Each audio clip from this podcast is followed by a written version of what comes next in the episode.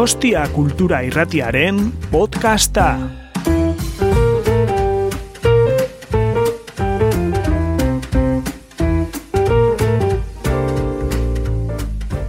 Buenas tardes y bienvenidos y bienvenidas a este encuentro con Jun Lagiri eh, aquí en Literactum Topaquetac. Gracias, sobre todo por venir con un día tan, tan bueno. Eh, buonasera, señora Lagiri, eh, benvenuta a Donostia. Aquí se acaba mi conocimiento del italiano. Eh. Eta hemendik aurrera hori, ez, e, euskeraz egingo dut. E, nere asmoa da hori elkarrizketa euskeraz egitea nere aldetik, berak ingeles ez erantzungo du, Orduan behar duenak e, gaztelaniarako itzulpena ez eukiko du eta behar duenak euskerarako itzulpena hor zuen zera horietan eukiko duzue edo ingelesez jarraitu nahi baldin baduzue berak esaten duena ere ez da benelako arazoak. Eta bueno, nik eskerrak eman bar dizkiot literaktu mi e, eta junpala jiriri hemen egoteatik netzako gore bat delako hemen egotea, nor eta Jun Palagiri ez, elkarrizketatzeko aukera izatea, e, gaur bere ipuin erromatarrak, e, en fin, rakonti romania orkesteko hain zuzen ere ez. Eta niretzatu ere bada aspaldiko zalea naizelako ez Jun Palagiri dena ez, eta horren froga fisikoak dauzkat. Bai, Hemen harien irakusten ari natzaizuen eh, Abra una vez, antologia de cuento joven norteamericano, Alfaguarak, 2000 bigarren urtean argitaratua, eta etxean atera bezain pronto erosi genuena eta irakurri genuena. Eta hor zeuden ipuinen artean, e, bazegoen bat, ez? deitzen zena denbora kontu bat, una cuestión temporal, ez? Junpa lajiriren gandik izan nuen lehenengo berria izan zen. Da memorian hiltzatuta geratzen zaizun ipuin hoietako bat. Ez, eh, erditzean umea galdu duen bikote indiar amerikar bati buruzkoa eta itzalaldi kontrolatu bati buruzkoa. E, eta bueno, aspaldiko partez hau prestatzeko joan naiz. Liburutegikoa palet, palategira, ba, aurkitzera, bilatzera liburura eta berreskuratu dut. Eta, eta ipuin hori, hemen dauden guztietatik, da bakarra, e, horri aldea tolestuz, ez?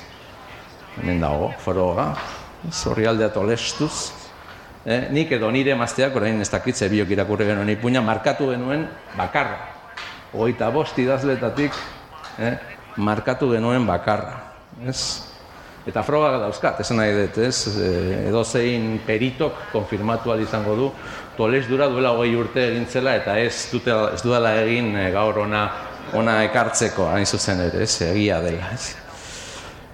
Eta izan ere, egile horietatik guztietatik, hemen dago den hogeita bost orduan, ez, egile gazte estatu batu harretatik, ba, Jun Palagiri izan da, gure artean behintzat, karrera literario nabarmenena egin duena, agian Chris Ofut izango litzateke hemen agertzen denetarik eh, ezaguna den beste idazle bakarra, e, baina, bueno, bera da, e, orduz geroztik, karrera zenduena eta oparoena egin duena, Eta baita karrera bitxiena, eh?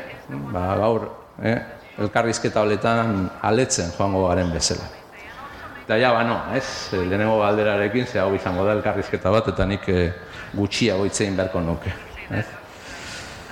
Eh, ipuin hori, eh, lajiriren lehenengo liburuan agertzen zen, egileak hogeita amabi urterekin argitaratu zuen gaixotasunen interpretea, edo, en fin, gaztelaniaz itzuli gintzen lehenengoz el interprete de emociones bezala, ez?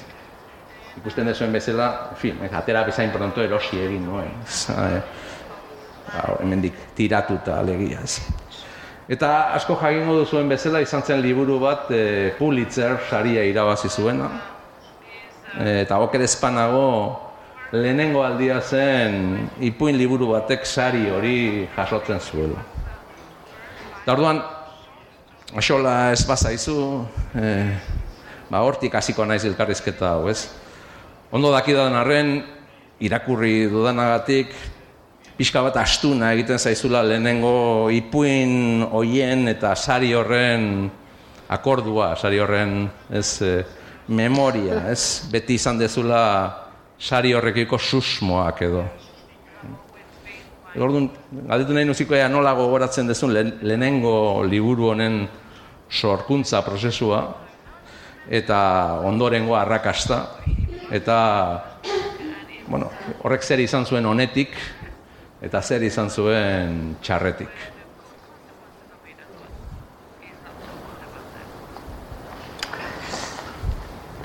Thank you, thank you so much. Um, good evening to everybody. Uh, thank you so much for inviting me to San Sebastian. It's my first time, and it's a beautiful place. And I'm very happy to be here in conversation. Um, I, I, I, wrote the book, I wrote the stories. Uh, I didn't think I was writing a book.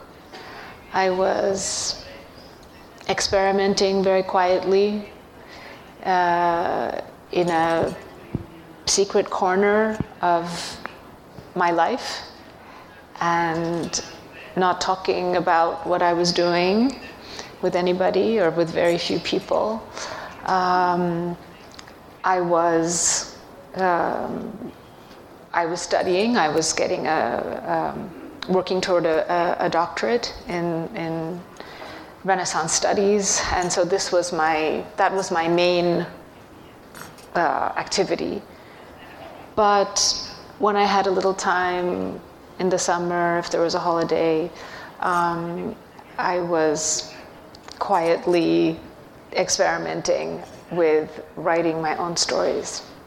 And um, slowly they piled up. Uh, it took me, I, I think these first stories, the genesis from the first to the last was about seven years um, similar to the genesis from the first to the last of the of the new book. Mm-hmm. So these collections take a long time for me because I don't realize in the beginning that they that they will be a book, but then eventually they begin to maybe find a direction. Anyway, the, the book was um, was published the stories were published with very, very low expectations. Um, in the United States, typically, when a book is published, it, it has a hardcover, okay, and that's a sign that the book is important and that eventually it will have a soft cover. My book was never had a hardcover. the publisher said, mm, well, nobody knows you, and on top of that, you've written stories, and nobody likes to read stories, so we're not going to invest in a hardcover. We think maybe better a soft cover right away so that it's less money and people will maybe be more willing to pay less money to, to read this new author. So those were that was the those were the circumstances um, of the publication of the book. Um, and then when the book came out, there was no um, promotional events planned, very few. There was no um, book tour attached, you know. It was all very quiet, modest um, expectations. But um, much to everybody's surprise, uh, the, the, publishers most of all, um, there seemed to be some interest, curiosity about the book early on um, when it came out in, in the United States. This was in 1999. 1999. Mm-hmm. Um, who knows why there was a constellation that was favorable and so then they called me and said, maybe we will send you on a book tour and send you to these places and sign the books and everything. And but it was all like after the fact. It wasn't part of the conception. And, um, and at the end of that year, um, to absolutely everybody's surprise, mine most of all, it received a very large recognition. And as you say, I've been very suspicious of it. Uh, I was very suspicious of it when it happened, and uh, now I feel that um, it's something uh, certainly that, that came it, it, with, with, with, with beautiful things. Um, I would say the most wonderful, the thing I'm most grateful for um, is that as a result of that early recognition, my work was translated into more languages than perhaps it would have been. And that to me is the biggest gift to, to, to, to, to see, to, to know that my words have been transformed in other languages. Mm-hmm. Um, so that I would say, in hindsight, that that was the most wonderful thing, and and because of those translations, I had opportunities to go to different places, go to different countries, and and in some sense, my my growing um, pull toward Italy was in large part due to the interest in Italy for my work, and they would invite me, and I would go, and I would do presentations and things like this. In any case, um, but it also put a lot of uh, attention that I found uncomfortable as well uh, at that point on me, on my work, um, which I still really wanted to be doing in a secret corner. And even now, all of these years later, I, I try, when I work, I try to mentally return to that secret corner to, to do what I, to say what I need to say. Um, I think that is the right place for the writer to, to, to remain. Um, and though we all also wish to communicate with the outside world, and to communicate with the outside world means it can't be a secret anymore, right? So there's this kind of strange double life you have to have, mm-hmm. and and and happily meet your readers and happily have conversations and acknowledge that I have produced these books, but then day after tomorrow, when I go back to my normal life, I'll go back into the corner, you know. Um, so that's how I try to think about it and and and as for the recognition itself, the, the, the Pulitzer Prize to me belongs to that book. I mean, it does belong to that book. Um, and that book is a book I wrote 25 years ago. So it belongs to, a, to the past for me. Mm-hmm. You know, a part of my past, but it belongs to the, to the past. Mm. Mm. Uh, okay. Uh. Edna O'Brien idazleak e, zioen lan literario guztiak direla neurri handiagoan edo txikiagoan autobiografikoak, ez? Eta indiar jatorriko emigranteen eta emigranteen semealaben bizitza esperientziek leku handia daukate zure hasierako ipuin hoietan, eh?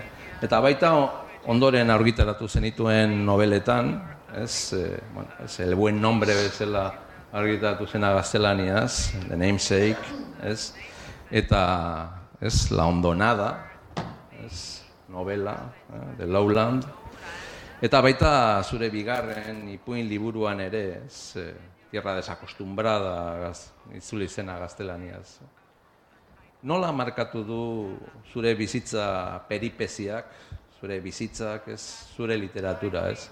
hots Londresen jaio izana, ez jatorri bengaldarreko guraso batzuengandik eta oso txikia zinela estatu batuetako ekialdeko kostaldera bizitzera eraman zintuztenak.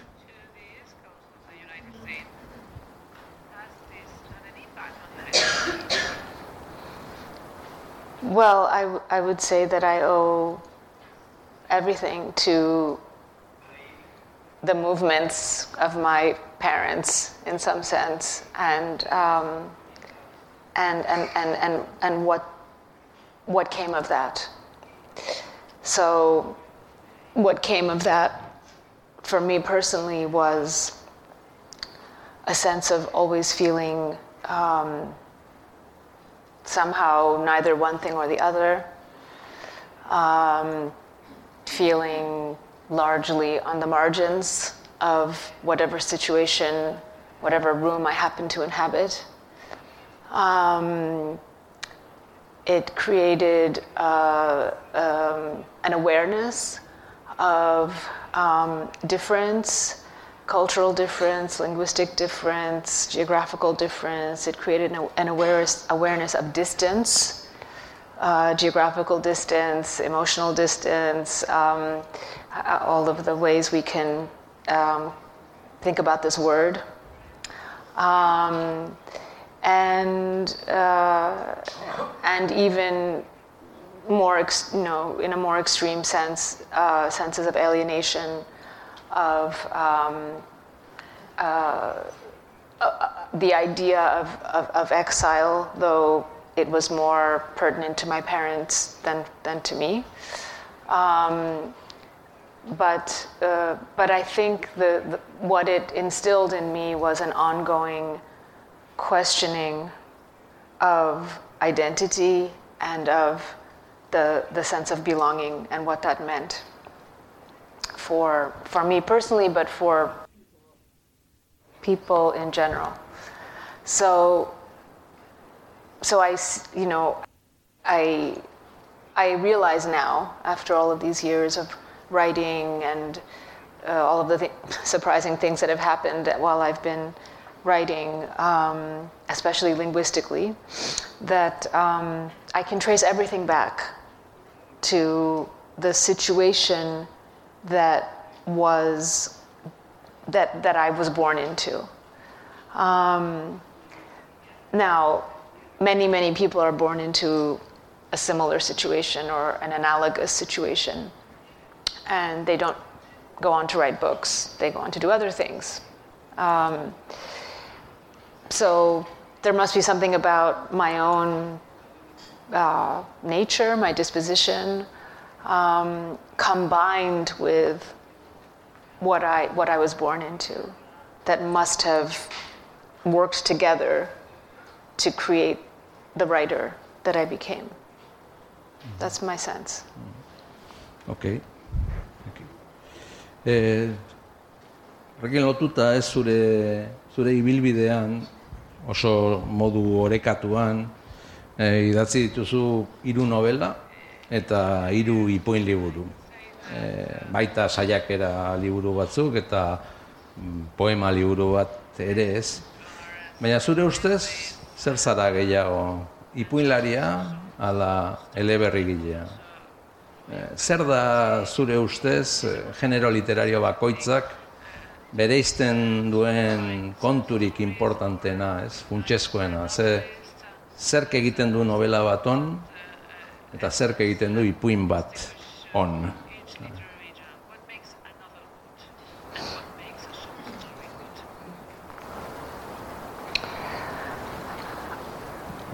I try to. I think everything is a story. I think I believe novels are are also stories. Um, they have a different pacing, usually. And um, but I, in, I, I really do believe there's very little that a novel can do that a short story cannot also do. Um, I think short stories are capable. In fact, short stories are capable of doing more things than than novels. I think they're more. this is. We are a short story team.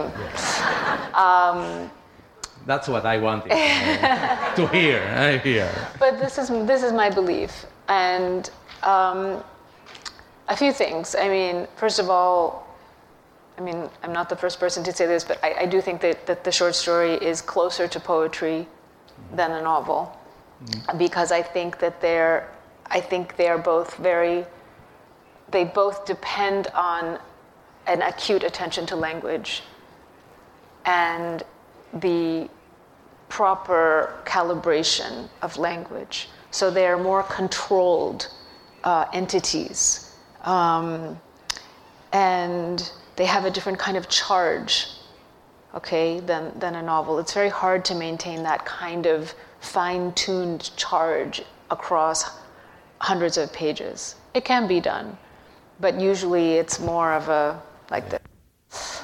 Um, a short story is like a, a straight arrow, and and there's an intensity to it. Even the longer stories have an intensity that I have always admired. Even in the, the very long stories of, say, Tolstoy, um, that are, and, but they are just as rich to me as Anna, Karenina um, and War and Peace. And in some sense, they're even more powerful because there's, there's less doing more. Um, and I, I mean, the, what drives me to writing and reading in, in the beginning and, and always is a love for language.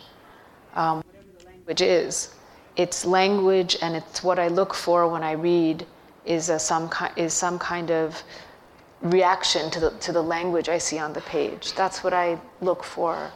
Um, I don't read for the story, the plot, the characters. I mean, those things are important, but number one, I look for, for beauty in the language. I look for uh, some kind of um, energy in the language, a hum in the language. That's what I look for as a reader.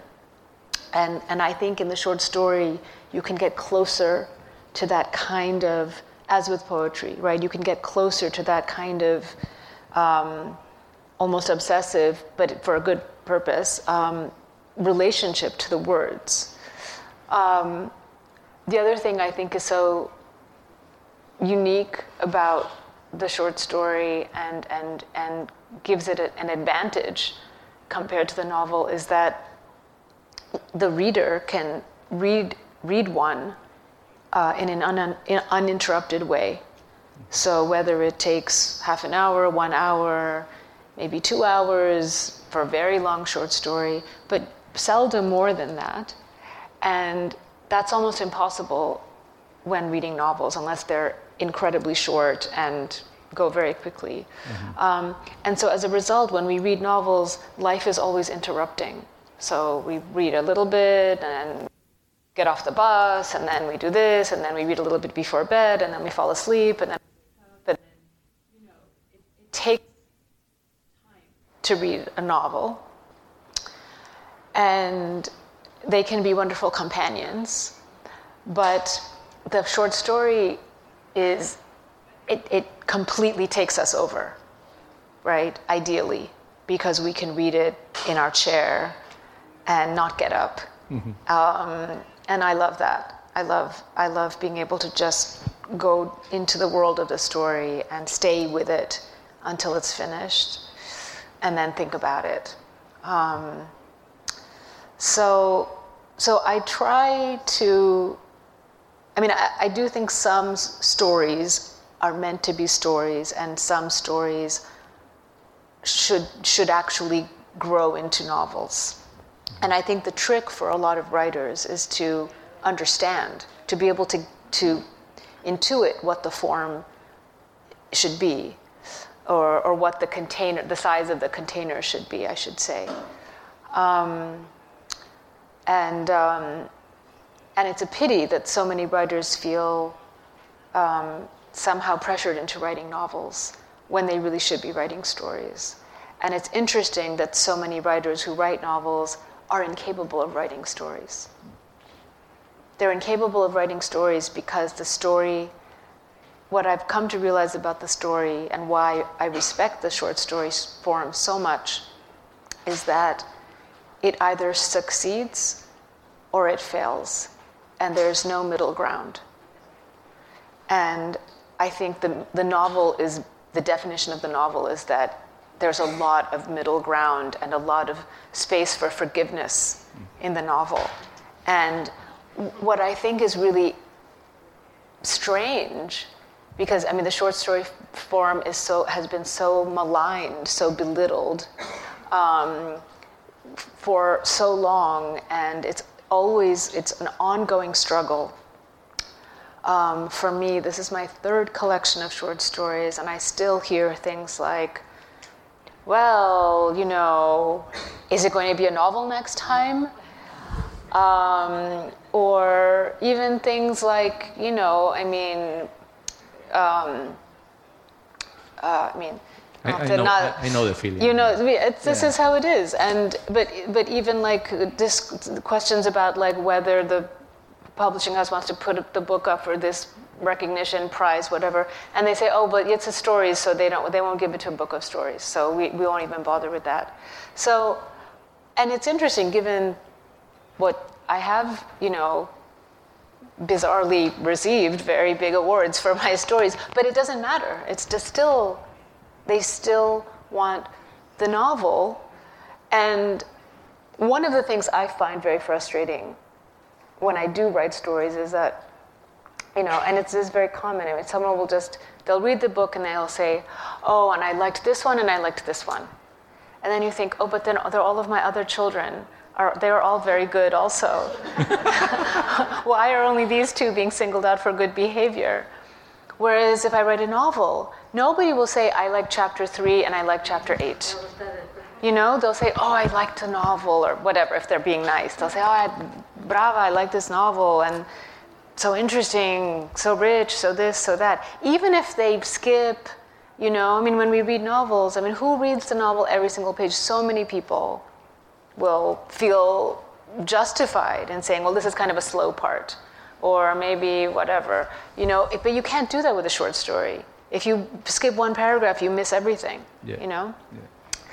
So, anyway, I hope all of this has been my long-winded uh, plea to respect and love short stories. Bueno, badakizu, eh?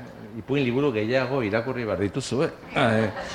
E, edo nola ere, ez, e, iruditzen zait, e, 2000 amarreko amarkadaren hasierak garrantzia duela, ez, e, zure ibilbidean, gauza batzuen gatik, baina bueno, orduan argitaratu zenuen agian hori, ez, e, zure novela komplejuena eta ambiziotsuena, ez, e, la ondonada edo de la ez, zeinetan badago noski ez, aurreko ipuinetan eta nobeletan bezala estatu batuetara leku zaldatutako emigranteen, erbesteratuen gaia, baina baita e, dago mugimendu, e, indiako mugimendu naksalitaren, borrokaren edo terrorismoaren gaia ere ez. Hau galdetzen dizut, badakidalako novela honen fan handiak daudela gela honetan, ez? Eta e, azken urte hauetan antzeko arazo bat bizi izan duen lurralde batean gaudenez, Euskal Herrian, ez, e, etaren terrorismoak, eta baita estatuaren terrorismoak ere jotako lurralde batean, e, galdetu nahi nizuke zure iritzia, ez? Ea nola lagun dezaken literaturak e, mota horretako prozesu historikoak ulertzen, ez? Edo ze ekarpen egin dezaken fikzioak alakoetan.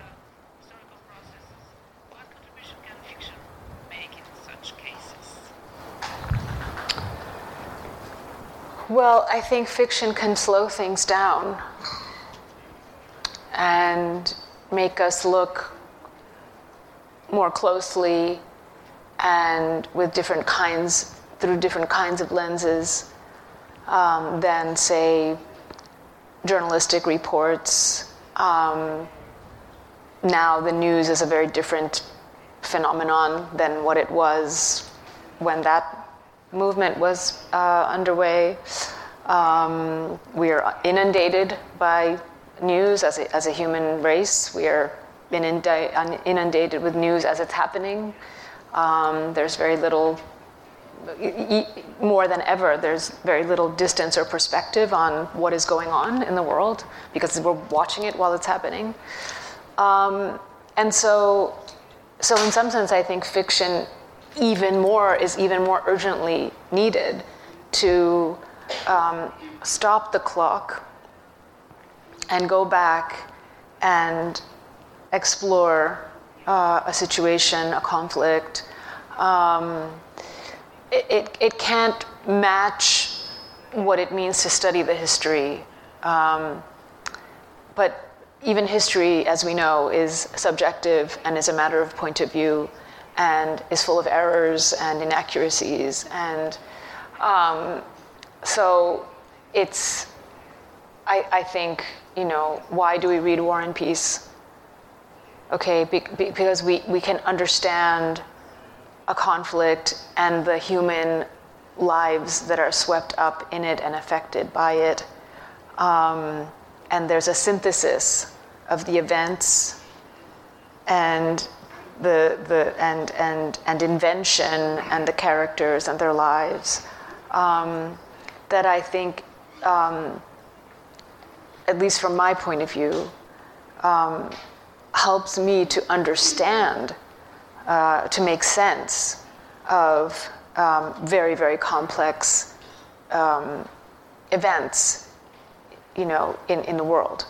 Um, so, uh, but, but, but at the same time, I do think the artist has to be free to, to not feel um, sort of, in some sense, obligated to represent things as they really need to be represented for some sort of for the record kind of way, because that's not what fiction is, right? Fiction is subjective, fiction is slanted um, necessarily, right? So if we, we, if we want a news report and if it's slanted, we say that's not a good news report.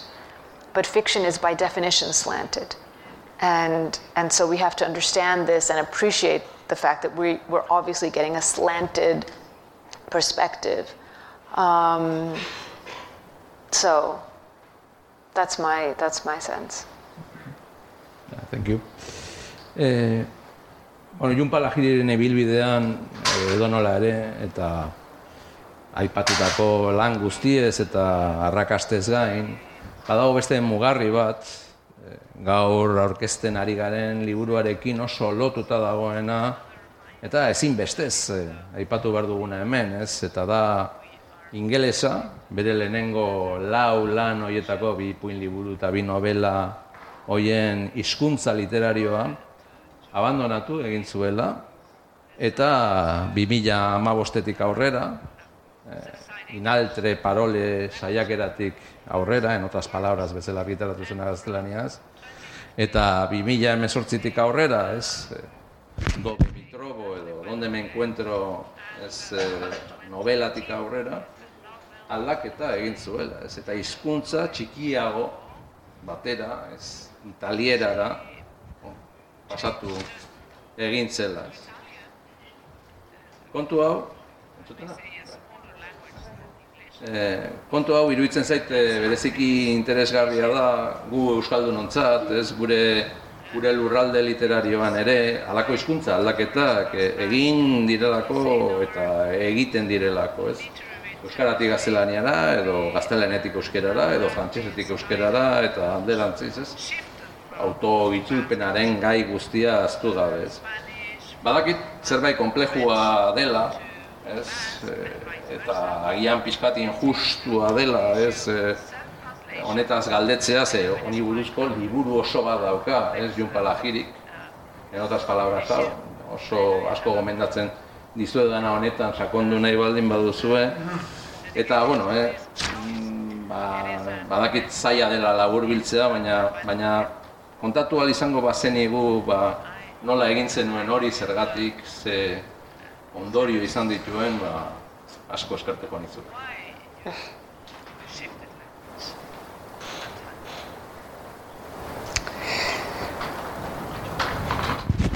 I was I was thinking about this on, when I was walking today on the beach. Um, I was thinking how many times will I try to answer this question? And what can I say? And um, so to the answer that today that came into my mind as I was looking at the water here was that Italian called me and, and showed me the way, showed me a new way. It was like that. Um, and I, I think that, you know, writers, well, should, I don't know if they do, but I, I go to the go to the source of, of, of the light and the inspiration and the warmth, you know, uh, and, and what is drawing me into that creative space.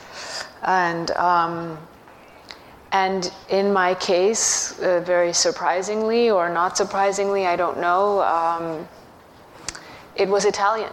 It was Italian and it was a slow, of something to reveal itself very slowly. Um, there's not a rational, I can't say there's a rational explanation. There's no rational explanation. Um, it's much more uh, uh, uh emotionally driven in my case. Um, and you know, we, we started the conversation, I was explaining about how the first book was written in the corner. And in some sense, with Italian, it, it also is a way for me to recede uh, in, a, in, a, in a way that I find powerful for me personally, even though I've had to, it, it comes, it has come at, at a cost for me uh, in terms of the outside world. Um, and it's made me th- think very hard about um, why I do write. You know, what is my mission? And is my mission to um, reach the maximum amount of readers? Um, obviously not, because then, you know, um, I might not have made that choice. Um, but but my my my real uh, what is really driving me to do what I do um, is, is, is, it doesn't have to do with how many readers and how much, um, you know, um, the, the book advance will be and all of these things, these outside world things. Um, because all of that has, has changed um, in the past 10 years um, since I've been writing in Italian. and it was a it was a big risk to take. It was a big risk to take, and it still um, is is met with a lot of um, uh, sort of, um, shall we say, lack of enthusiasm, depending on the readership, um, but especially the English language readership. Um, especially especially the English language readership because because because they, they it is perceived as a betrayal, it is perceived as a distancing act, it is perceived as a um, uh, kind of a frivolous thing, like a game, like a you know like a little like a little affair or something, you know, like nothing. This is not the real relationship you're supposed to be having, you know. Um, and so it's it's it's made me it's it's it's it's had to I, have had to um, toughen myself even more to um, much more scrutiny, you know, because of all of these questions of why and why would you want to do that and um, and a lot of uh, suspicion about what I'm doing now. Um, and part of the suspicion is, has to do with this question of, of translation and people's sort of um, deep mistrust of the translator, um, which I find, you know, um, baffling, but but also very interesting. You know, when you because as writers we're interested in human nature, so even when strange things are, are, are manifesting themselves, it's useful information because I see how people react, you know, to these ideas of, well, but I'm not really. I, I mean, I remember readers saying in the beginning, English language readers saying, well, but I'm not really reading you if you write in Italian. Um, which is fascinating to me, you know, which is fascinating to me. So, yeah, um, this, this is, but this is now, I've now written, I mean, I'm looking at the, the, the pile, you know, and there have been four books in English and now four books um, in Italian. Um, there's also, I don't know if you, there's one book that hasn't been translated yet called um, Il Quaderno di Nerina, this book, sort of curious book of poetry with a fictional frame around it, um, prose frame around it, um, fictional frame around it. Um, and and and what I have been and, and a wonderful um, offshoot of my my my shift into Italian has been the parallel um, um, activity as a translator that that has being that has accompanied my my you know sort of the Italian journey, um, which I mean I feel personally as a as a writer so much more mm, stimulated, um, happy, um, engaged in what I'm doing. To be honest with you, now that I'm writing in a new language, I'm I'm translating the works of other authors from Italian. I'm now working on um, a very um, large translation project um, from Latin. I'm translating the Metamorphoses of, of Ovid from Latin into English with a colleague of mine. So these, these kinds of projects have only enriched um, my imagination and my interest and my love for literature and for what I do. So, in a way, I feel. Um, I mean, I just I just feel very, very grateful for for the way things have worked out for me, but but I also realize that um, you know the the publishers and uh, and in some sense the public um, is it has been left a little bit like scratching their heads, mm-hmm. saying, well, what's going on and how long is it going to last anyway? And is this definitely what you're going to do for forever, you know? And, and going to, to return yeah, to, to yeah, home. Yeah, uh, yeah. And so then it brings up all of the questions about belonging and not belonging and what is my language and what is not my language and on and on and on, you know? Mm-hmm. Um, yeah. So I just, I try to kind of double down and, you know, I, I, I bought the four volume set of Beckett's letters a few months ago and I just read them every night and I think, okay, it's okay. I'm not the only one. I'm not the only crazy person, you know? And it's okay. It's okay to follow the calling. It's okay to follow the calling. In fact, one has to follow the calling to be true to oneself. Okay. Bueno, guazen, guazen bada demora horrela doalako, oso interesgarria dena eta pila bat galdera nituen, baina bueno. E, ipuin erromatar, ez, rakonti romania hauekin, zure azken lau argi, lan argitaratua, bederatzi ipuin, e, guztiak erromako hiriarekin gehiago edo gutxiago lotuta, hiru saietan banatuta, lau ipuin lehenengoan, lau ipuin irugarrenean, eta erdian, e, zubi lanak eginez, edo agian hobeto eskailera lanak eginez, e, sei ipuin laburragoz, edo sei estampa laburragoz osatutako ipuin luze bat, e, la eskalinata bezala argitaratu, ba, itzuli dena gaztelaniaz, ez? Nola izan zen e, liburuaren sorkuntza prozesua, ez? Erroma da aria, baina, baina ipuin liburua da, ala, ala ipuin bilduma, ba, a, kompilazio bat, ez? Hau, ipuinak joan ziren sortzen liburuan pentsatuta, edo modu independientean joan ziren sortzen eta ondoren bildu egintzen dituen.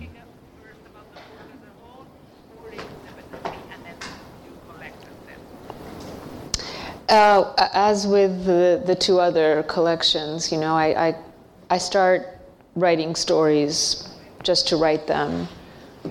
And I, and I think this is normal, this is typical. Um, and then they start to accumulate, and, and then one starts to perhaps detect kind of um, the reason why these stories are emerging, you know, in this, in this moment.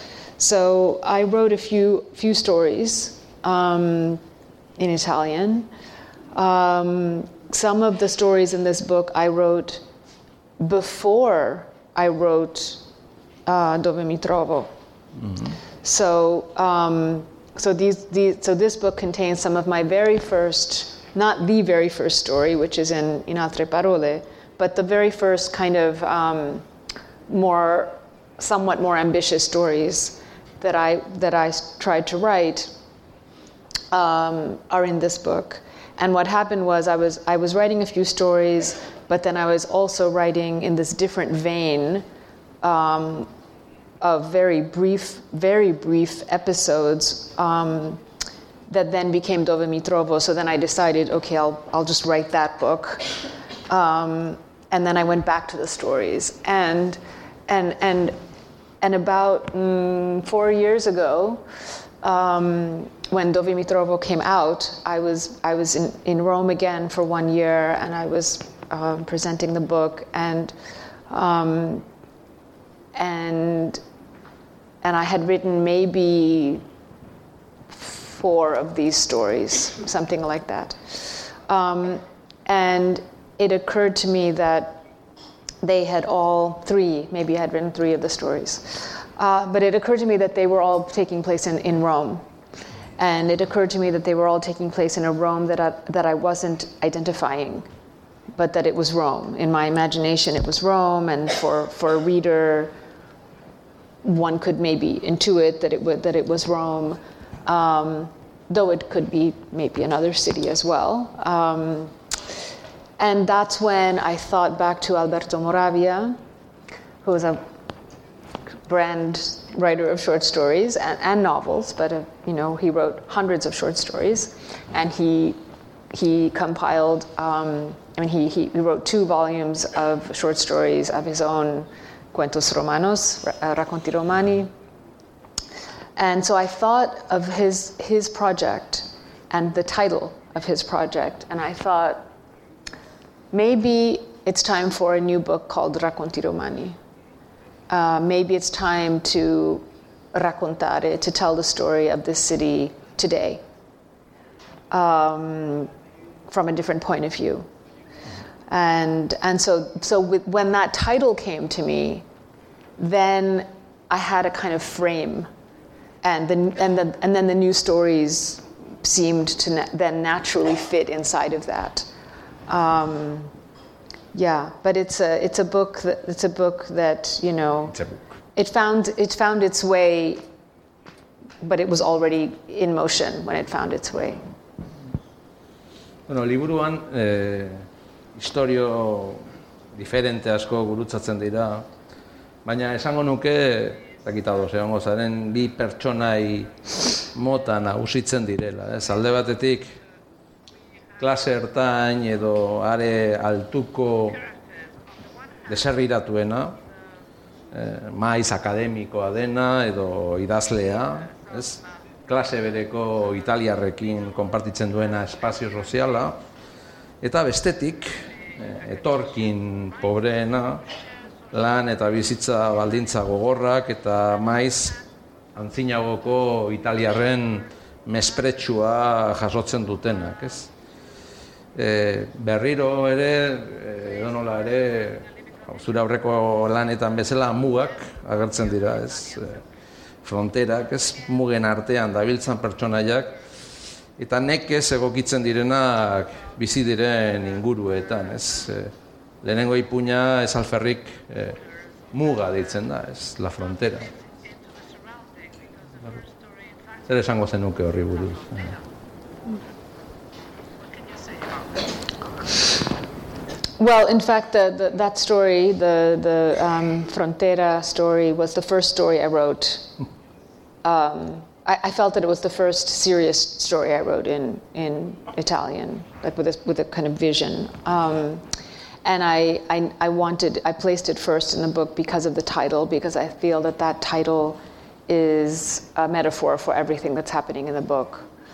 And, um, and this uh, border that we are constantly, as human beings, um, grappling with and fighting over and trying to define ourselves and other people based on these lines that are arbitrary, that don't exist in nature, that are completely creations of the human mind, apart from geographical, obviously, borders that exist between land and sea um, imposed by mountain ranges, and so on and so forth. Those borders pre exist us. Um, but, but beyond that, you know, there are these, all of these other borders um, that, have, um, that have come into play.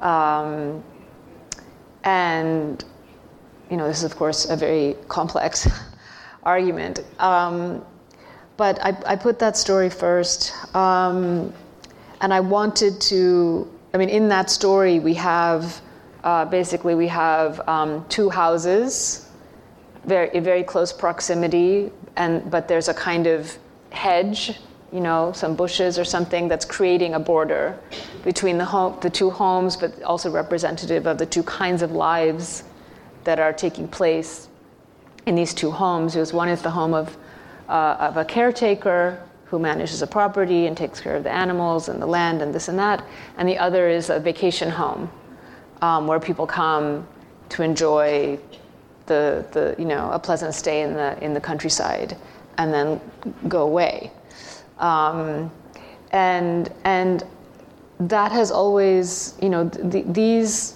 interesting kind of um, states of proximity um, that are actually contain an abyss, you know, create an abyss, um, I, I, think is, has always been such a, um, it's just eternally interesting to me to sort of think about what this means and how we, as a human race, are sort of almost numb to how we live alongside each other, but, but also feel like, you know, we're separate somehow, and that our life has nothing to do with that person's life, and, and vice versa. And so, in the stories in general, the stories in general, as you say, alternate in some sense between, you know, people who are sort of more comfortable in the world and people who are living much more um, on the edge, literally on the edge of survival.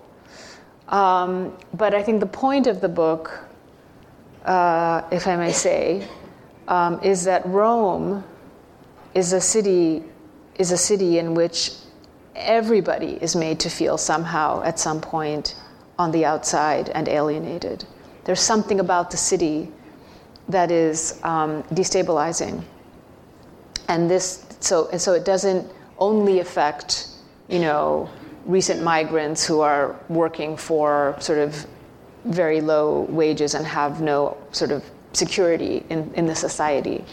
Um, it, it, it, affects everybody in the book, even characters who are um, quote unquote Roman. You know, people, even people who feel that they are firmly, who, who, who, who think they're firmly sort of inside and at the center of the, of the society, of the urban fabric, um, are also made to feel jolted um, or uh, lost, they lose themselves, um, they lose their bearings. So that's, that's um, what I was playing with in the, in the, from story to story. Mm-hmm. Bai, niri, niri deigarria egin zaidan zure liburuaren beste alderdi bat da ez duzula bat ere jo horrelako izenburu batekin, ez? E, nik literatura turistikoa deitzen dudanaren hildotik, ez? E, gero eta zabalduago dagoen atamales, ez? E, izan ere, aipatu dugun ipuña ez la frontera, ez literatura turistikoaren kasik e, antonimoa da, ifrentzua da. Ez, e, erroma agertzen da liburuan, e, baina ez da agertzen postal bat bezala. Ez, irakurleak, bertan egon bada, agian ezagutuko, ezagutu ditzake leku, paraje batzuk, baina, baina salbu eta ipuin gutxi batzutan ez dituzu izendatzen lekuak, bakarrik deskribatzen, ez? Ordea, zure aurreko obran, e, Roma agertzen zenean, pues, adibidez, e, tierra desakostumbradan, ez, gema eta kausik e, ipuin narrazio luzean, ba, hor, detaile guztiarekin agertzen zen guztia, ez. E, eta hori, ez, e, badago horretarako asmo bat, literatura ez turistiko bat egiteko, eta gero, hori, ez, e, bestalde, ematen du, hori ez, pertsonai batzuk e, oso kokoteraino daudela iriaz, ez, esaten dute menuda ciudad de mierda, no? pero que hermosa es, ez aldi berean. E, eta, orduan, alde horretatik zer da erroma zuretzat, ez, aurkitu duzu bertan lekua, ez, Dante Alighieri ipuñeko narratzaileak bezala, ala sarkin bat sentitzen zera oraindik ere, ez, Casa Luminosa ipuñeko pertsona ja narratzailea bezala. Gauza asko dira, mestinen. Ari naiz eh, galderazko nasten, ja. Bukatu behar dudalako. Uh, I'm, I'm, I'm both. I'm both, you know. Um, and a bit like the, the protagonist of Dante Alighieri, um, I mean, I, I, feel, I feel rooted, if I dare say. Uh, I've created roots in Rome, so I feel a rootedness. You know, tomorrow I'll go back and I'll feel like, okay, here I am, taxi, home, okay, everything familiar. Um, but then I leave. You know, in the fall I'll leave. I go to New York. I teach there. Then I'll come back, and then I'll feel. You know, so so I do think in the end. Um, um, I mean, they're both they're versions of each other. Those two characters. One one feels that he's a visitor everywhere, and the other one is sort of going back and forth. And she says, at some at one point in the story, she says, "I live um, between continents," you know, and she uses this preposition in Italian, fra, and and then she there's a comment in her head saying even though the, the preposition indicates that it's a state of perpetual limbo. Because if you are fra, two places, you're never in any place, right? You're, you're in fra. you're in like that parenthetical space. You're in transit in some sense, or you're suspended, or you're in limbo. Um, and that's how I, I feel. I mean, at this point in my life, um, I mean, yesterday I was in Madrid and I was walking around, or day before yesterday, I arrived in Madrid, which is a city I uh, know a little bit, not that well, but. And I was walking around, and I thought, oh, this is very nice. And I, maybe because I'm translating Ovid in this moment, so everything is like Ovid and Ovidian in my head. But I really did feel like um, one of these sea nymphs, you know, just kind of like wandering and um, following these currents of the sea. And, um, and Ovid helps me because he has so many of these interesting characters, types of beings, you know. Um, and, I, and, I, and I had a very distinct feeling that no matter what, I mean, whether it's you know 46 hours in Madrid or years and years in Rome or all the years I've spent in the United States, or when I go to India, where I've never lived but have you know gone many many times. No matter where it is, it's always this feeling of kind of drifting through the place and not having a full, full, you know, real rootedness. Um, it's always a sense of it can be toppled over in a minute. Um, and, and, and it's interesting that in my adult life, I've clearly gone out of my way to perpetuate this kind of shifting landscape situation um, and, the, and the movements and the back and forth and this fra space, right? Um, because I think, you know, it's interesting. I think some, some children of immigrants that I know, I mean, I grew up in this community of so many people, like my parents, who left their you know, city on the other side of the world. They come, they make these lives, they take these big risks. They want they want a better future for themselves, for their families, whatever. And a lot of their kids are like, we're not moving. you know, um, we're American, and that's that's it. I mean, this is our base, and this is our and, and they and they're the generation. And I think most people fall into that category. They they want to insist on okay, this was this is our this is now our place. And we are going to stay here and raise our kids and go deeper into the fabric of the of the place and the country and the culture. Um, but for whatever reason, I I felt that calling, um, and I felt that um, you know I, I do feel so much happier when I'm in Europe. I just do. I just, I love being in this part of the world. Um, I, I, love Rome very much more than anything. Um, but I also love being able to, um, I love being in a part of the world where there's so much difference all around me. And like if I can count how many two hour plane rides I can take from Rome and where those two hours will take me, it's like, oh my God, you know? Um, I could live the rest of my life just going to every single place two hours from Rome, and all the different languages and all the different cultures and all of the rich, rich differences. And, and even, even if I don't leave Italy, you know, just from Rome, I can go south to Naples or north to Venice. And these are different worlds with different languages, different cultures, different habits.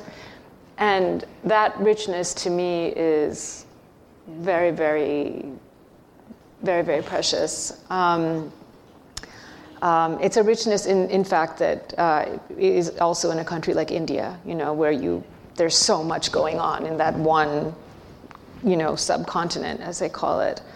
Um, extreme differences of language, of culture. Um, so, and maybe, maybe, maybe Europe called to me because I found um, I find it analogous in some sense with the model of a place like India, which is inherently, deeply um, mixed, and um, for good and for ill, with all of the, you know, conflicts that come from from that kind of deep, deep uh, cultural, religious, linguistic uh, mixture. But I, I do prefer it. Bueno, nik jarraituko nuke etengabe, eh? en fin, eh, bikoitzan eukan prestatuta galdetzen jarraitzeko, eh, egon naiz berri irakurtzen dena, baina bueno, eh, ordu bete egin dugu, eta nik uste dut eh, publikoari ere eman bartzaiola hitza, ordua, en fin, ez dezu aukera oberik izango, ez, Agiri Andrea galdekatzeko hau baino, beraz, animatu.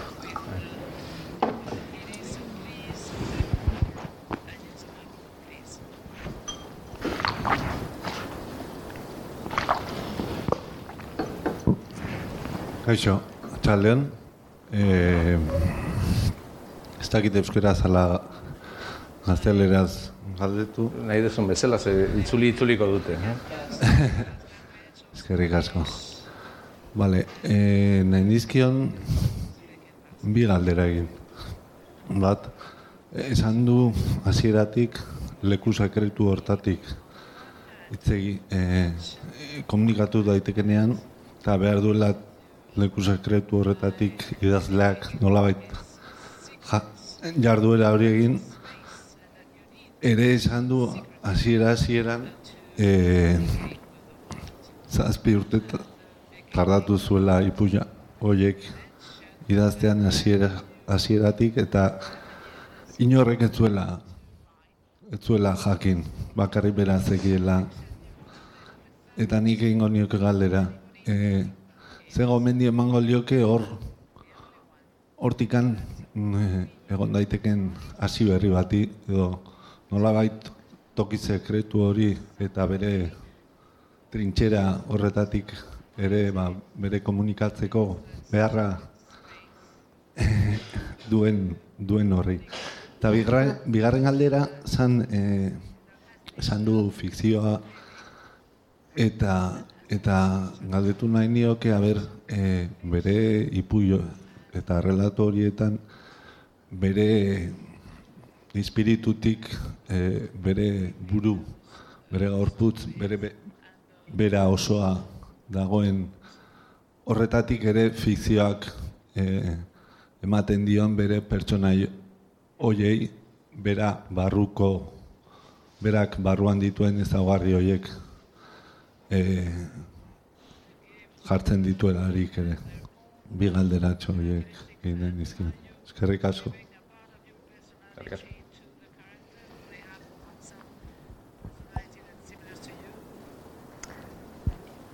Thank you for your question.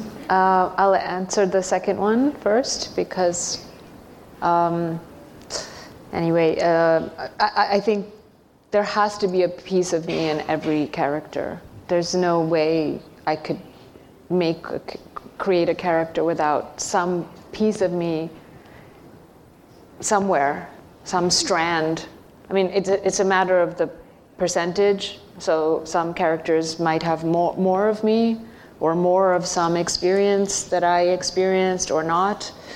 But um, I mean, we are all we're all such complex, contradictory creatures. So we have everything in us. We have, ideally, we have good things. Um, we have petty things. We have mean things. We have everything. We have we have the resource resources. Um, I think to to build characters of any any type, but it's a matter of it's kind of like being an actor. Like you you you channel that part of you.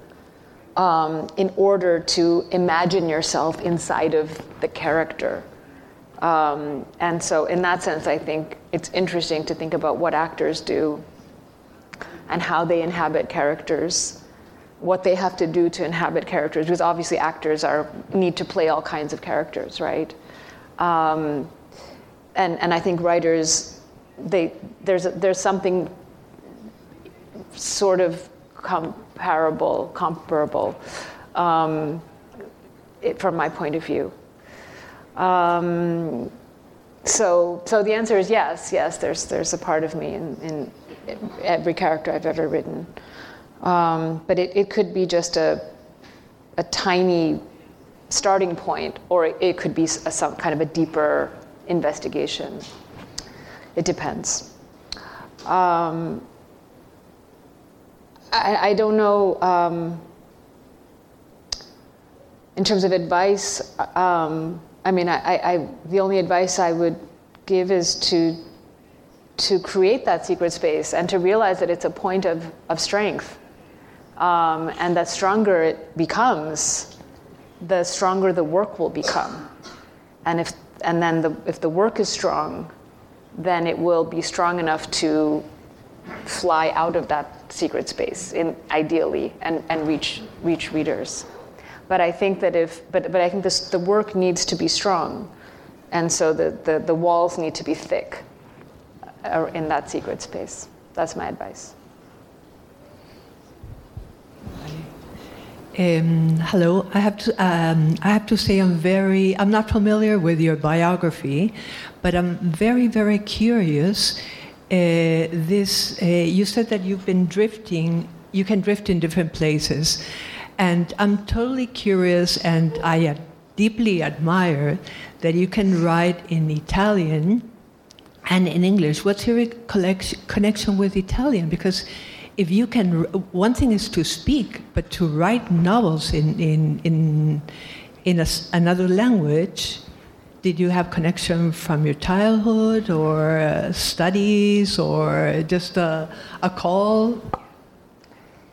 Well, as I said, it was a it was a it was, it was a calling. I mean, it had a if if if you're curious, um, I did write this book um, about it that will take you kind of step by step um, through the, the, the process, as it were. But it wasn't a conscious process. You know, it was something. As I said, it it, it was very mysterious. I wasn't aware that it was happening or going to happen. I, it wasn't intentional. Um, but when I, when I looked back, you know, I mean, what happened was, I mean, just to synthesize, um, you know, I, I, I was I, I, studied some Italian at a certain point because I was in graduate school. I was working on the Renaissance. I went to Italy at one point to study some, look at some architecture, this, that anyway, so studying Italian had a, had a kind of sense in that moment in my life because I was a student and I needed some different reading knowledge of different languages. So I thought, okay, Italian is seems like a good language for me to study because it will help me um, to do some this research and so on. But but then it just went on. Like there was something about the language that kept calling me, kept calling me, and I started studying it, and I started studying it more with more and more fervor and determination. But the, the whole time I was living in the United States, so there really was no purpose in it at all. I, I, I, my drive toward Italian was, was, was purely um, just because I I felt that the language, uh, I felt that I needed to enter into the language. I felt that my life would not be complete if I didn't know the language. And this is a very strange thing to feel, but I felt it. And so I kept studying it. And then I moved to Rome with my family for the purpose of getting better at Italian. And very soon after moving to Italy, I started writing in Italian, first in the secret space of my diary where the walls are very, very thick and not telling anybody what I was doing. So, again, with Italian, it was the same pattern. It was the same pattern as when I started studying in English. Um, and, and then the writing grew and it grew stronger and then eventually went on the other side of the wall.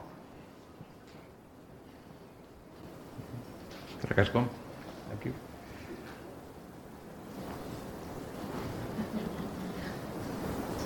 ez beste aukerarik izango, denbora batean. Eh?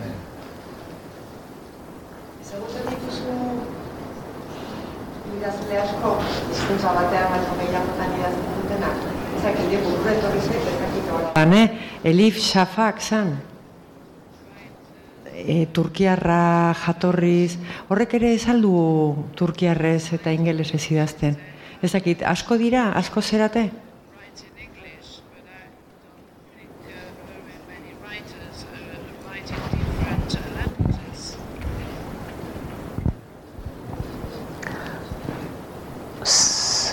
So the question is.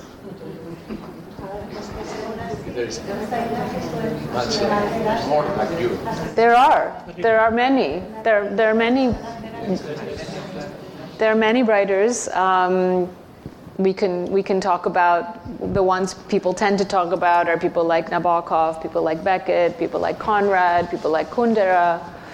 Um, these are all, you know, Agota Kristof. Um, these are um, interesting examples of writers who have shifted into other languages for either an aesthetic drive or uh, political reasons, for, for, because of the tides of history.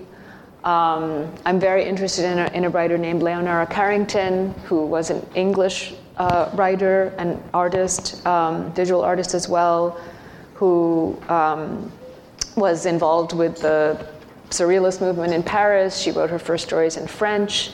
And then she moved to Mexico City and spent most of her adult life in Mexico City and wrote in Spanish. So she's an example of a trilingual writer. Um, there are many examples. There's, um, in fact, this fall I'm going to be teaching a course at Barnard College of Columbia University, where I'll be teaching and I'm dedicating the, the course to uh, women, women exophonic writers is the term of exophonic, right? So you go out of your quote unquote language. Um, another really interesting current contemporary example is uh, Yoko Tawada, a Japanese writer who writes in German. Um, so there are many examples. It's not the dominant, you know, strain, and, I, uh, it's, it's not the, the typical um, choice for writers, but it is a necessary choice for some writers. Um, Antonio Tabucchi, Italian writer who wrote in uh, write, wrote a very important novel of his in in Portuguese. Um, he was, in some sense, I think of him. I cite him in in in, in Altre Parole.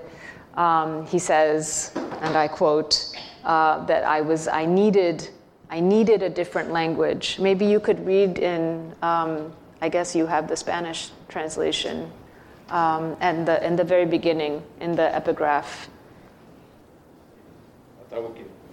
necesitaba una lengua diferente, una lengua que fuera un lugar de afecto y de reflexión.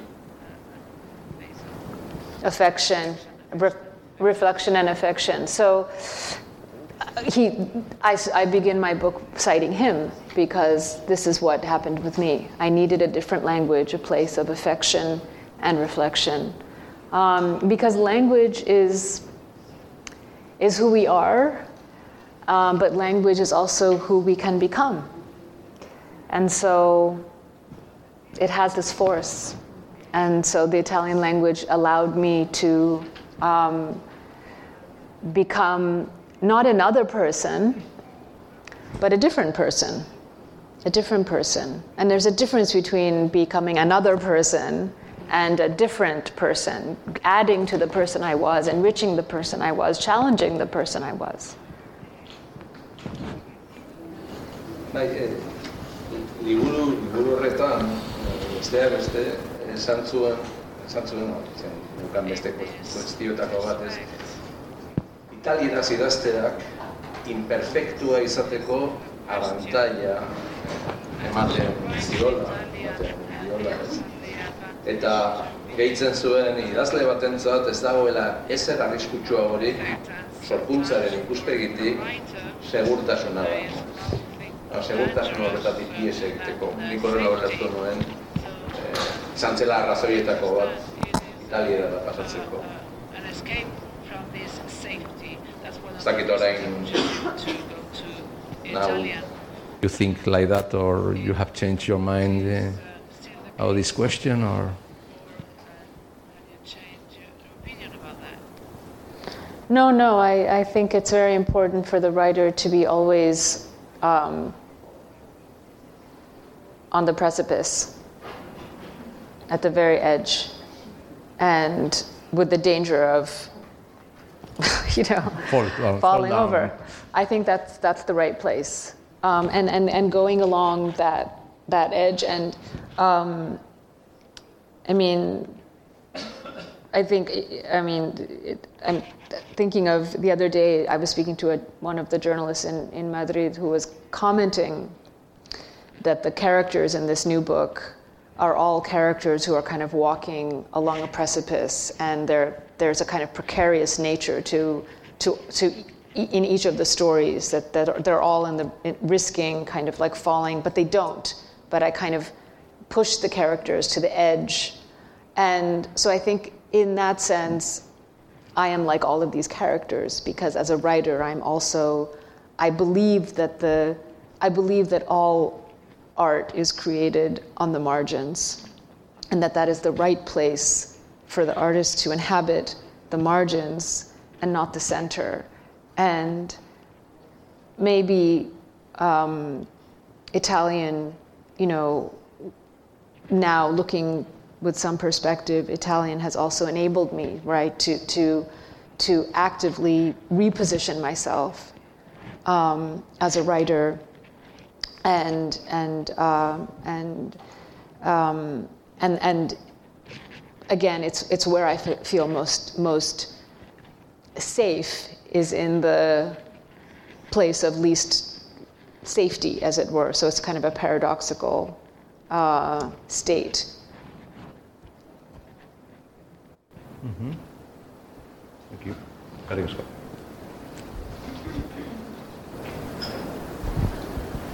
Hello. Um, I'd just like to ask a bit about your writing process. Uh, could you give us a bit more detail?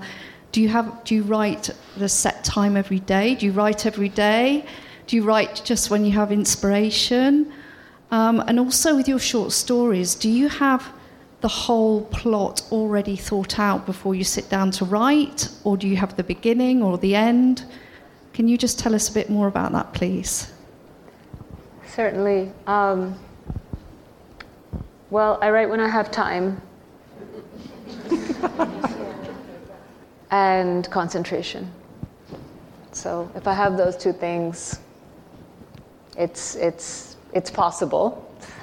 Um, and, but life is much more complicated than that. And so, um, as, as, as nice as it might be to, you know, say I write every day from 9 a.m. to 1 p.m. and then have a nice lunch.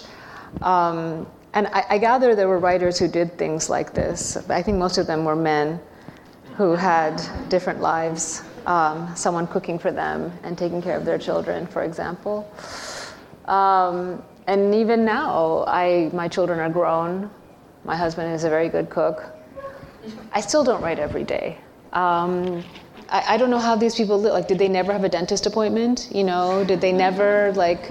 Did, did the plumber never have to come and fix the faucet at 10 a.m. because you know they say these things like, "Well, I write every day from."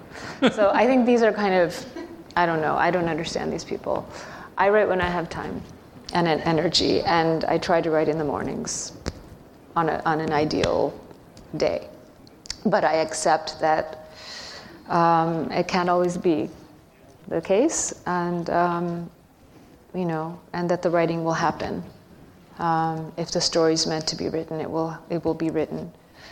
Um, and as for how the stories emerge um, in all kinds of ways, sometimes I have the beginning in mind, sometimes I have the end point in mind, sometimes I have some drifting piece of the story that I, you know, just happen to, like, it's like, you know, just picking something up out of the water, like, oh, this would be interesting, but how can it, how can it then become part of a larger structure?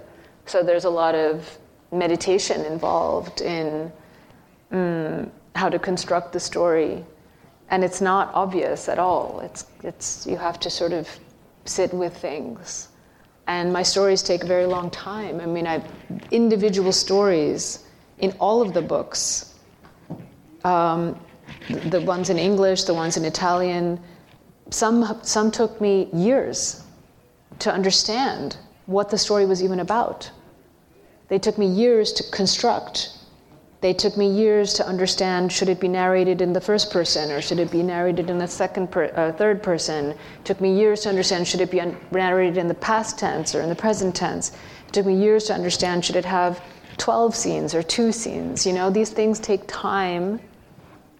Sometimes a story can come very quickly, and you have it, it's sort of like this strange um, illumination beautiful process it's very rare that a story can come very quickly. It, um, honestly, I can't remember any any of those times at this.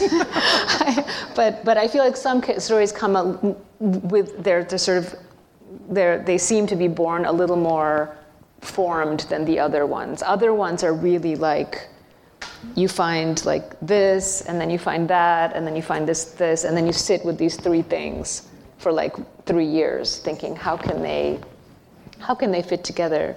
How can this become a whole?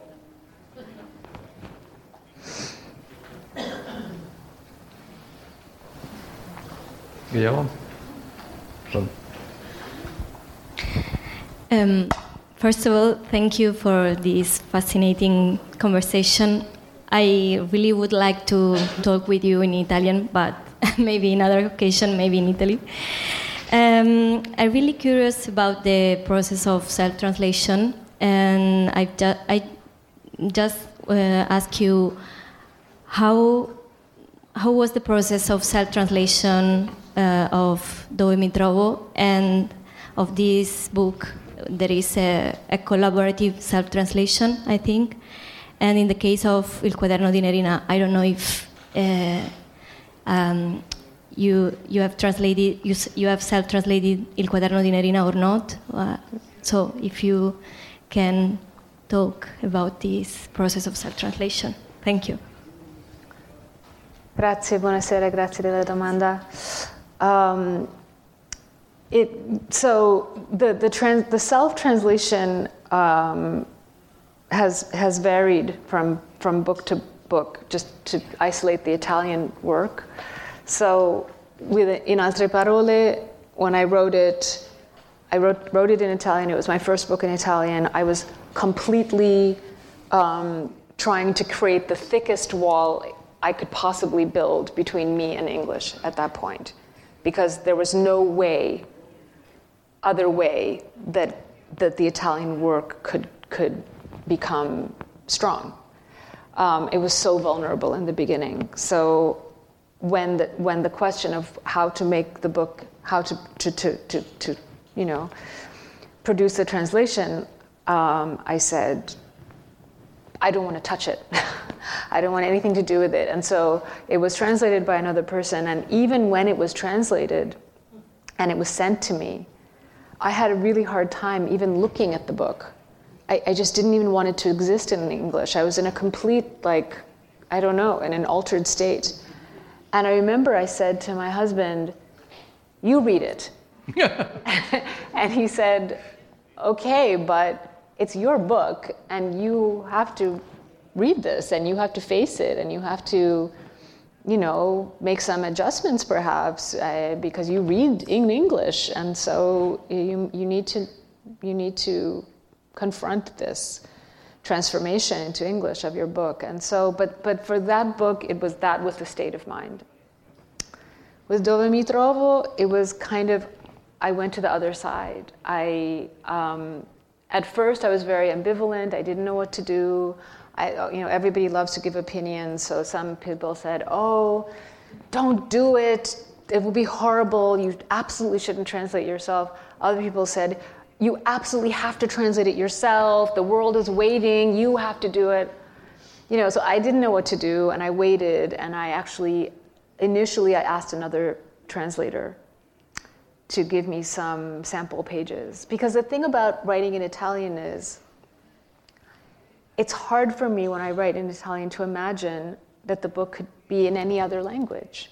Because I think that's what happens when you write a book. You can't imagine that it could be something else because that's the book you wrote. So, how could it be another book, right? So, that's how I felt. But, but strangely, when I saw, I, I had a wonderful, uh, another translator um, from Italian. Her name was um, Frederika Randall, and um, she sadly passed away a few years ago. But she, she kindly translated a few of the episodes from Dove mi trovo. And when I saw them, I thought, maybe the book can be in English, and maybe I can do this. Let me try. And one thing that had prepared me is that I had translated the, the Frontera story, the Il Confine, I had already translated that myself into English just as an experiment. And it was okay. It was strange, but it was okay. Um, and so I translated the whole book, Dove mi trovo, myself. Um, it's a very strange experience. It's, um, it's, a, it's, it's, it's the best way to edit a book because all of the imperfections immediately rise to the surface. It's like a chemical reaction almost, like it's like putting in two drops of this strange potion and suddenly like everything, you know, you see everything. Um, so it can be very brutal in a way to come to terms with again the work you made and to realize, you know, that's that's what I made, and with all of its inherent flaws, and and you have to kind of accept those flaws because everything is flawed. Everything. Um, but, but you can better them. You can, but then there's a question. There's kind of like this moral, like, what do I do? Because do I, you know, and what I end up doing is that, you know, sometimes I just catch things that need to be corrected in the first, in the original edition, and then there's this strange back and forth that happens. Um, and that happened in the, in the translation process of the um, Racconti Romani as well. In this case, I translated most of the stories, but I had a, a translator translate three of the stories. And again, it's because after writing which, the which book. stories? So he um, translated the um, La Fiesta di Pi. He translated the um, the story that's called no- Notes, the Bigliettini, and in English, and then or in Italian, and then he translated the um, Casa Luminosa. He translated those three stories, and again, I think the reason was because after writing a book, the last thing I want to do is immediately translate it. So I need I need a lot of time. That's the problem, and I think because the publisher, the, the American publisher, said we don't want to wait, we want the book to come out. I said, okay, well, if it has to come out in this date, I can't, I can't do it, and I so I had someone else start it for me. But then again, strangely, what happened when I saw it was like with the first book. When once I saw him translating, I said, okay, okay, I, I can do it too. And so then I translated. Um, the final book that you mentioned, the Quaderno di Nerina, is um, there's a part of that book that is literally untranslatable. There's a part of the book that is dealing with Italian words and wordplay I mean, I hate to use the word untranslatable because I feel I do believe everything can be translated in in an, in some way, and in fact, the the the first translation that has been that has been commissioned for that book is in Spanish, and I was talking to my editor yesterday at um, Lumen uh, about this, how to translate the book um, into Spanish, and so it'll be very interesting. If it is translated into English, I will I will definitely translate the book because it's it's it will be just such a complicated and compromised translation by nature that I feel like I need to I need to to to present it um, myself. But the interesting thing about translation, of course, is that somebody can then come along and say, "I will also translate it," and maybe they will have a new they will have a different approach to the to the project. Bueno, tamales bukatzen joan behar dugu e, hori. E, kanpoan daude liburuak, erosi Jon Palagiriren liburuak, e, eskatu jozue e, sinadura, Eta, bueno, zurrengo literatun topaketetan ikusiko dugu elkar, eta, bueno, ja badaude datak hain zuzen ere literaktun jaialdirako, e, azaroak e, amairu hogeita sei bitartean izango direnak, eta, bueno, bertan egingo dugu topo elkar. Eskarrik asko, Junpala Giriri etortzeagatik. Eta zuei.